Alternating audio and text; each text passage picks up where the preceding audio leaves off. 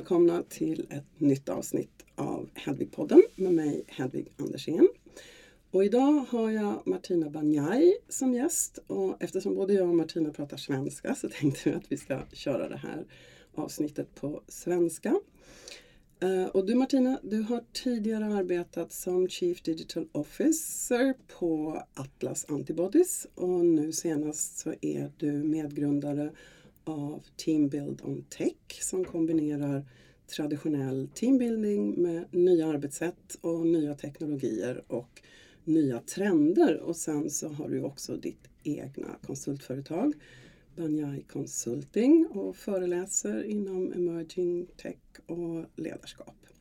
Så varmt välkommen till dig Martina, det är jättekul att ha dig här idag. Tack, jättekul att vara här. Och jag tänkte att idag så skulle vi prata lite om begrepp um, som tyvärr får jag väl säga fortfarande är rätt sällsynta inom life science. För den här podden vänder sig ju framförallt till life science-företag.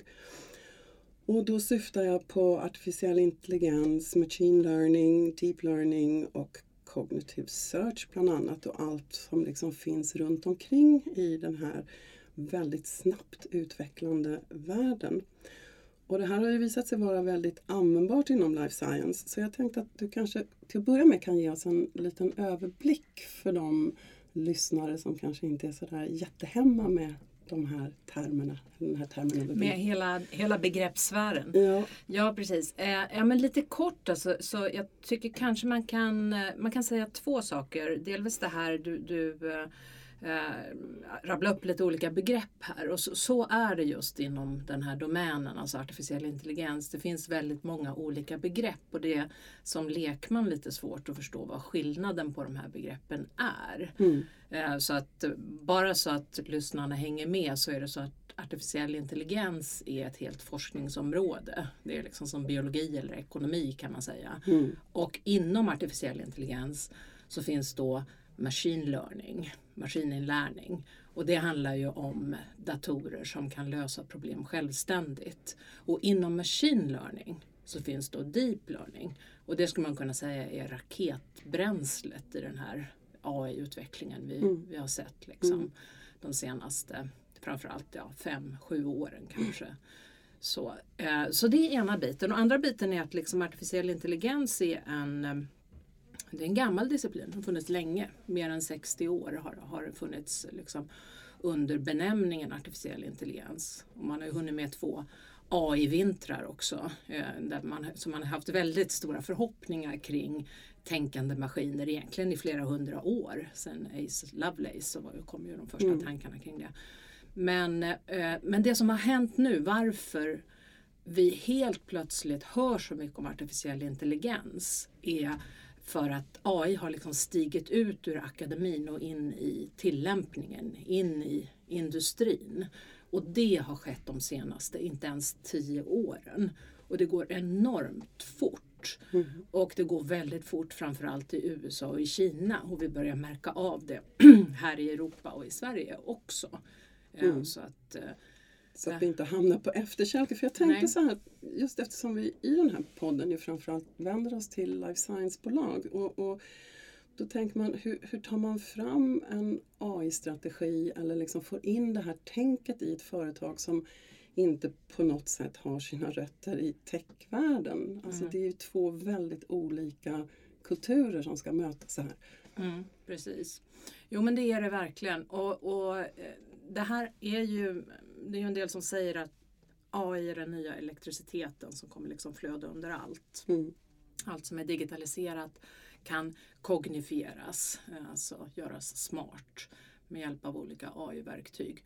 Eh, så att, och, och liksom life science-arenan, där börjar ju en del bolag jobba ju ganska aktivt med olika AI-lösningar mm. för liksom väldigt mycket olika typer av frågor. Och mm. andra gör det inte alls, precis som du säger, för man har inte det med sig i, sitt, liksom, ja, i sin historia mm. eller sitt mm. tänk eller i mm. sin kompetens. Eh, men det, det jag tror att alla behöver börja göra det är att man, man ska se AI för det det är, det är ett verktyg. Det är en teknik som vi använder för att lösa problem. Det är inte AI i sig som är intressant utan vad kan vilka problem kan vi lösa? Vad får vi för förändrade beteende? Vad är det för nya möjligheter med hjälp av den här teknologin? Mm. Och den är extremt kraftfull. Det är ju liksom lite tredje vågens programmering. Mm. Så, och den, det är redan här. Vi slutar bara kalla saker och ting för AI när det väl används. Då är det GPS och låsfria bromsar och liksom eh, Mm. streamingtjänster och, och Snapchat-filter och allting. Så det här alla vi använder AI varje dag. Så att man behöver nog delvis förstå att det här är inget hypat, AI är ingen trend. AI liksom är, är en, en domän som har funnits länge och som är väl liksom, Förankrad. förankrad i hela Liksom, ja, i alla möjliga olika branscher. Men däremot så finns det ju trender inom AI nu. Det håller på att hända saker där. Men att för det första sluta att se AI som en trend och börja fundera på hur kan jag använda mig av den här Mm. teknologin. Och då kan det ju, om det är nytt för en så är det klart att det kan vara bra att börja försöka orientera sig lite först. För annars är det ju svårt att Mm. Men- komma vidare. Hur många VD inom life science-bolag tror du, för du kommer ju också i kontakt med det här rätt mycket genom ditt konsultföretag bland annat. Hur många VD tror du verkligen ser det här som en konkurrensfördel? Och hur många förstår att om man inte hänger med på tåget så, så kommer man definitivt att vara på efterkälke och få svårigheter att hålla upp konkurrensen mot, mot andra företag, som du sa, från, från Asien och, och USA. Mm. Jag, jag kanske, kanske i alla fall färre än vad man skulle hoppas på. Mm. För att det är så pass nytt och så pass omvälvande och så pass eh, liksom, mm, skilt ifrån det man är van vid. Att man inte riktigt kanske har greppat hur man kan använda sig av den här teknologin och hur, hur andra gör. Så jag, jag tror att det definitivt är så att fler behöver öppna upp ögonen för, för det här och liksom börja fundera på okay, hur kan jag använda mig av AI? För det, det, det är en möjlighet man har. För det här är ju någonting som går väldigt snabbt. Eh, och eh, eh, Lite pratar man om att AI kommer inte ersätta bolag men de bolag som använder AI kommer ersätta andra bolag. Och att det kommer kanske bli lite svårt, det har börjat rulla men liksom tåget Liksom, det går att hoppa på men det är lite ett snabb eh, hastighetståg så det gäller att hoppa på nu och börja fundera på hur man kan använda sig av det. Och så ska man ju fokusera på just användningen, Mm, tillämpningen. mm, mm. Det finns redan jättemycket bra olika AI-empowered verktyg där ute. Mm. Och det är jättesvårt att konkurrera med de här stora jättarna som utvecklar de här Jo, nej, det är väl verktygen. ingen som ska liksom uppfinna hjulet igen. Men jag Precis. tänker igen det här som jag nämnde i början kring ehm, skillnaden i tidsräkningen. Om du tittar på techbolag och life science-bolag. För att inom life science det tar lång tid med läkemedelsutveckling till exempel. Vi har reimbursement-frågor som tar lång tid. Och, alltså, det händer inte så mycket så fort så att man kan liksom någonstans ha god tid på sig även om tid naturligtvis är pengar även där. Men liksom, miljön är van vid att saker och ting tar år innan du kommer ut med ett läkemedel och så vidare. Mm. Medan i techvärlden så tar vi pratar dagar och veckor. Liksom det är en helt annan tids ehm, ja, en, en annan tidsräkning helt enkelt. Och de, hur, hur kan man få ihop det här? Går det överhuvudtaget eller blir det liksom en kulturkrock? Ja, eh, det är klart att, att life science-branschen är och ska vara väldigt reglerad. Mm. Ja, och sen så kan regleringarna ibland behöva liksom uppdateras och följa med. Men sättet som man kan använda sig av eh, sättet man kan använda sig av olika AI-lösningar på eh, Eh, är ju till exempel om man, vill utveckla en eh, liksom, läkemedelsmolekyl så kan du ju med hjälp av artificiell intelligens, det finns ju liksom fler eh, liksom varianter på hur du utvecklar en läkemedelsmolekyl än atomer i universum. Liksom. Så med hjälp av artificiell intelligens så kan du ju eh, liksom mappa upp den domänen och titta på vad du har för olika möjligheter som är relaterade till det området eller den molekyl du redan har utvecklat. Du kan hitta snabbare syntesvägar för din molekyl. Du kan väva in patent i, i den informationen och se till att du inte hamnar i de fallgroparna. Så det här handlar ju om att liksom speeda upp processen där det går att speeda upp. Där det Mm. kanske inte alls finns några regleringar utan liksom i discovery-fasen så kan du jobba på det här sättet. Och samma med litteratur. Det finns ju AI idag väldigt bra på att höra, läsa, prata Och eh, AI kan verkligen konceptualisera och förstå vetenskaplig litteratur. Och då kan man med hjälp av olika AI-verktyg snabbt scanna igenom stora mängder litteratur som, och, och forskningsresultat och patent och annat som då forskarna på bolaget kan ha nytta av när de ska eh, lägga upp sina utvecklingsplaner. Så det är lite så man kan tänka i hur man använder artificiell intelligens. Eh, och, mm. och, och, och, där är det ju väldigt trevligt att kunna skära eh, liksom, i tid och, och, och liksom få bättre beslutsunderlag. Bättre beslutsunderlag och bättre liksom, eh, hitrate på det mm. man gör mm. helt enkelt. För det, det är väl, men då kan man ju också tänka sig att det kanske öppnar upp för nya typer av samarbeten och att man kan liksom hitta nya former att, att utvecklas tillsammans på ett sätt som man kanske inte har gjort lika mycket nu. Där du kan säga att det finns konkurrensfördelar men vissa saker som man kan använda oberoende av varandras konkurrens. Alltså att information som kanske är som jag genererar som inte är viktigt för mitt företag kan vara väldigt viktigt för ett annat företag. Så att man kan liksom ha ett utbyte av mm. kunnande och, och data som man får fram. Verkligen, så är det. Och att det blir också i och med att eh, AI-lösningar, det bygger ju, det är väldigt datahungrigt. AI älskar ju data. Mm. Så det bygger på att man har stora mängder data och gärna från olika domäner. För det är då det kan hända väldigt spännande saker när man har information från flera, flera olika håll. Så kan mm. man ju se sånt som man inte tidigare såg. Och den informationen kan man ju då delvis få tag på genom samarbeten. Mm. Att det blir så att man själv kommer i slutändan vinna på det samarbetet och det du delar med dig av din data blir då en input till mm. någon annan och så får du tillgång till, till eh, något de gör. Men det här kräver väl också att man har en, en, en förståelse i företaget av att data som jag genererar som inte är viktig för mig har ett värde. Mm. Och att jag också samlar upp den typen av data på ett sådant sätt att det går att dela med andra. Och att man liksom tar hand om data så att det inte blir en, en restprodukt utan att det faktiskt är en, en värdefull produkt att, att, att använda i det här utbytet. Är, mm. det, är det så man ska se det? Jo men så tror jag absolut man ska se det och jag tror att jag tror att vi är många som förstår att data kan vara användbart men sen så kanske man inte är skolad inom data så att mm. säga. Eh, så, och det kostar ju på att mm. spara mycket data också. Mm. Det är liksom både dyrt att hantera och strukturera upp och tvätta och fundera på hur man ska göra och så lagra och så vidare. kan vara, vara en insats. Så att man behöver ju också ha en väldigt liksom, ett tätt samarbete mellan affärssidan och liksom IT-datasidan.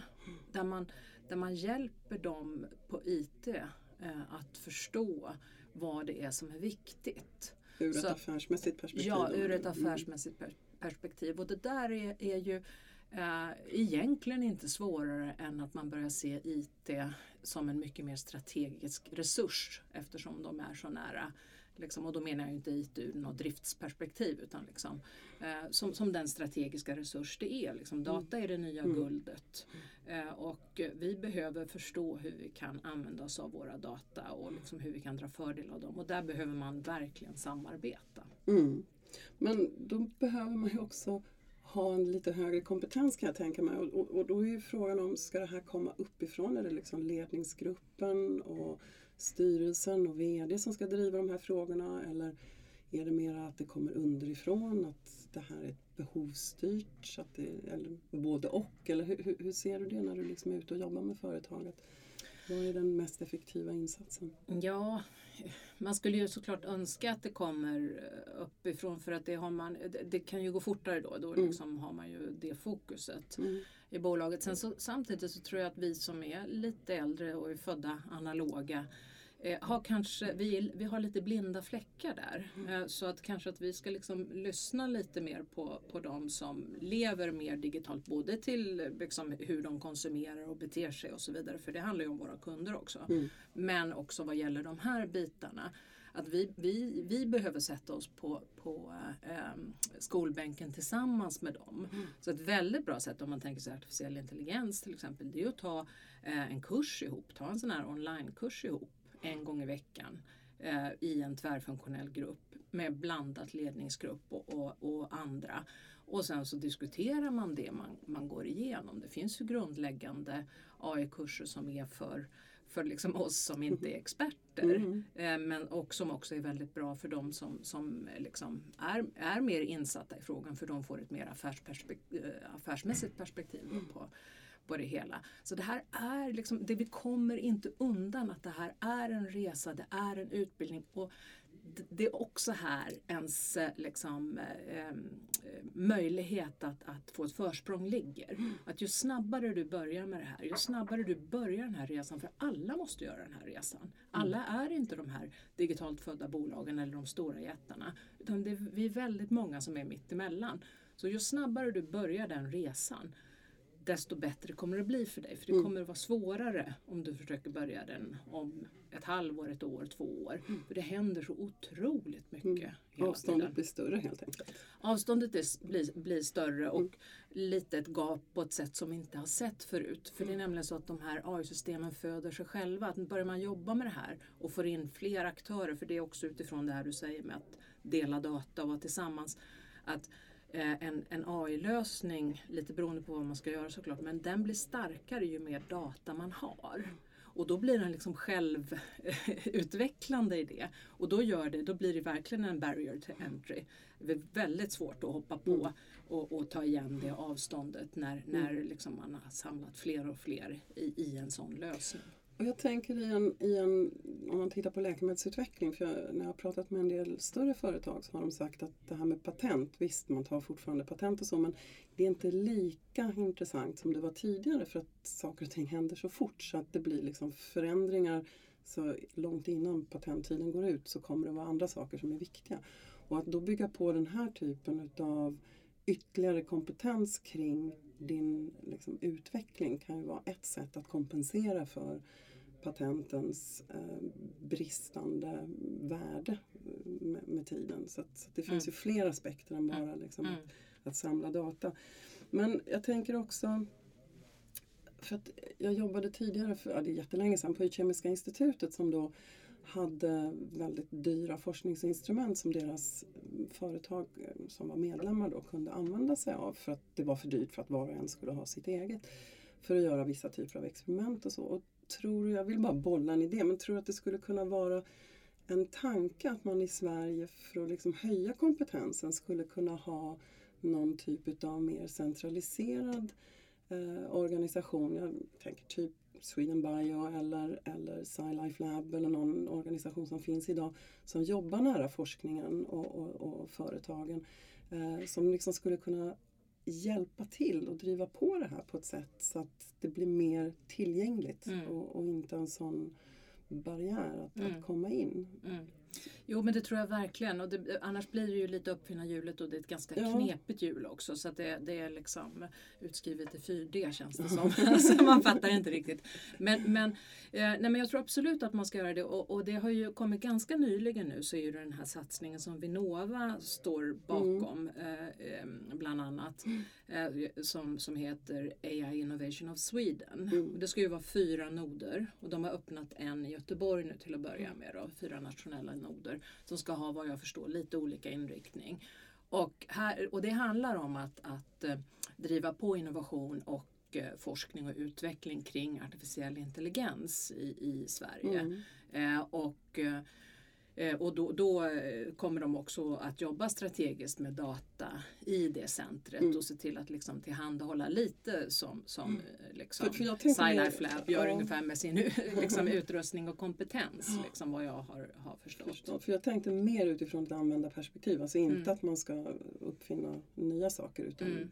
Att göra liksom entryn enklare för, för företag som håller på med läkemedelsutveckling eller tar fram andra typer Mm, utav mm, att verkligen fokusera på tillämpningen. Ja precis, Mm. alltså, precis som du sa i början att, att det är viktigt att man liksom använder det, ser det som ett verktyg Mm. och att Mm. vi, vi tillhandahåller de här verktygen på ett sätt som, som gör... För jag, jag vet inte, har du någon liksom, utblick i hur Sverige står sig ur ett internationellt perspektiv när man tittar på eh, liksom, den här mognaden och hur vi implementerar AI i vår... Framförallt att tänka på life science då eftersom det är vårt fokus. Ja, precis. Eh, ja, eh, alltså generellt så, så ligger ju inte bara Sverige utan hela Europa lite efter. Mm. Det, är verkligen, det är nio bolag i världen som är de som styr hela AI-utvecklingen på ett eller annat sätt genom samarbeten med, med Mm. universitet och annat. Och sex av dem finns i USA och tre finns i Kina. Så, så det, och det är de som har liksom de stora musklerna. Eh, och Europa har ju famlat lite, var, var, liksom, vi är lite sena på bollen men vi har nu fått till våra eh, liksom, eh, eh AI-strategier per, per land och Finland var ganska tidigt ute. Mm. Eh, 2017 det räknas som tidigt. Eh, och, eh, och, och tog fram en nationell strategi. Och det som Finland har sagt är att de ska bli världsbäst på att använda AI. Precis. Och det där är Ja. någonting som, som jag gillar jättemycket och som jag tror liksom, du är ute efter lite Ja. i det här med en, Inte ska Sweden Bio-initiativ. liksom. eller någonting. Ja precis. Att helt enkelt, men vad, vad fint, nu finns alla de här Mm. bitarna och det, det, är, det är ett tillräckligt stort jobb att börja fundera på hur använder vi det på bästa sätt. Mm. Eh, och det där tror jag vi har en, en möjlighet för, för Europa satsar ju mycket på Mm. det här med, med etik och de bitarna och, och mänsklig AI. Det är Mm. jättebra. Mm. Men här har vi också en möjlighet och också som, som bolag har Mm. man verkligen en möjlighet att bli bättre än de andra i Att sina använda konkurrenter Mm. på att använda AI. För det är precis det jag är ute efter. Mm. Alltså inte att vi ska börja konkurrera med Google. Liksom, för det är inte riktigt det jag tror. Nej, det, det, vi det är ingen försöka. idé. Nej, precis. Vi ska inte bygga en ny sökmotor. Nej, det, utan- det var gjort. Utan att vi ska se liksom, hur kan vi använda det på ett smart sätt. Hur kan vi samarbeta? För det är också någonting som vi är väldigt bra på i Sverige och i Skandinavien generellt om man jämför med många andra länder. Vi är jättebra på att samarbeta. Och i kombination då med det här som du och jag sitter och pratar om så tror jag att här har vi en nyckel till att kunna liksom få en bättre konkurrenskraft eh, och, och liksom, ja, lyfta oss på ett sätt som, som ja, är lite untapped eh, för tillfället. Så, att, så att, ja, jag hoppas att, att det där skulle komma, komma till stånd. Ehm, men jag tänkte om, om vi skulle summera upp det här och, och om du, för jag brukar alltid säga, kan du ge några goda råd till dem jag intervjuar?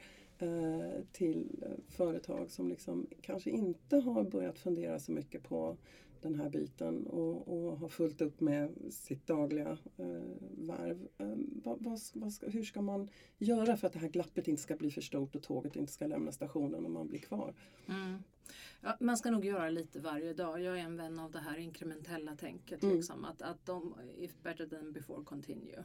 Så se till att faktiskt ta reda på, för det här, det här är en, ett sånt teknikskifte. Eh, så att förstår du inte liksom, riktigt vad det här innebär för, för dig så finns det en risk att du står kvar på station sen. Om, Mm. även om du har jobbat väldigt hårt. eh, men, men att, och sen så när, när man liksom förstår lite, alltså det handlar ju om att tänka stort och sen så agera smått. Du börjar agera smått. Och så när du får det att funka, skala snabbt liksom, i, i, i dina frågor så att du verkligen får effekt av det hela. Och för att kunna börja jobba med artificiell intelligens på ett strategiskt sätt så är naturligtvis alltid steg ett att bättre förstå vad det är. Mm. Och det handlar om att utbilda sig. Och det, måste man, och det finns enormt mycket bra resurser. Alltså Mm. Det finns gratisresurser online och allt möjligt. Liksom. Eh, och, och det här ska man göra hela bolaget. Google har utbildat hela sitt bolag. 60 000 anställda. Hela vägen från machine learning-experter till vaktmästare har fått samma grundläggande utbildning i vad det här är. För det kommer nämligen att genomsyra och påverka allt och det är människorna som ska göra jobbet. Och det är de som ska se möjligheterna. Om det är den nya elektriciteten. Så liksom utbilda är, är steg ett såklart. Och sen är det just det här att börja experimentera.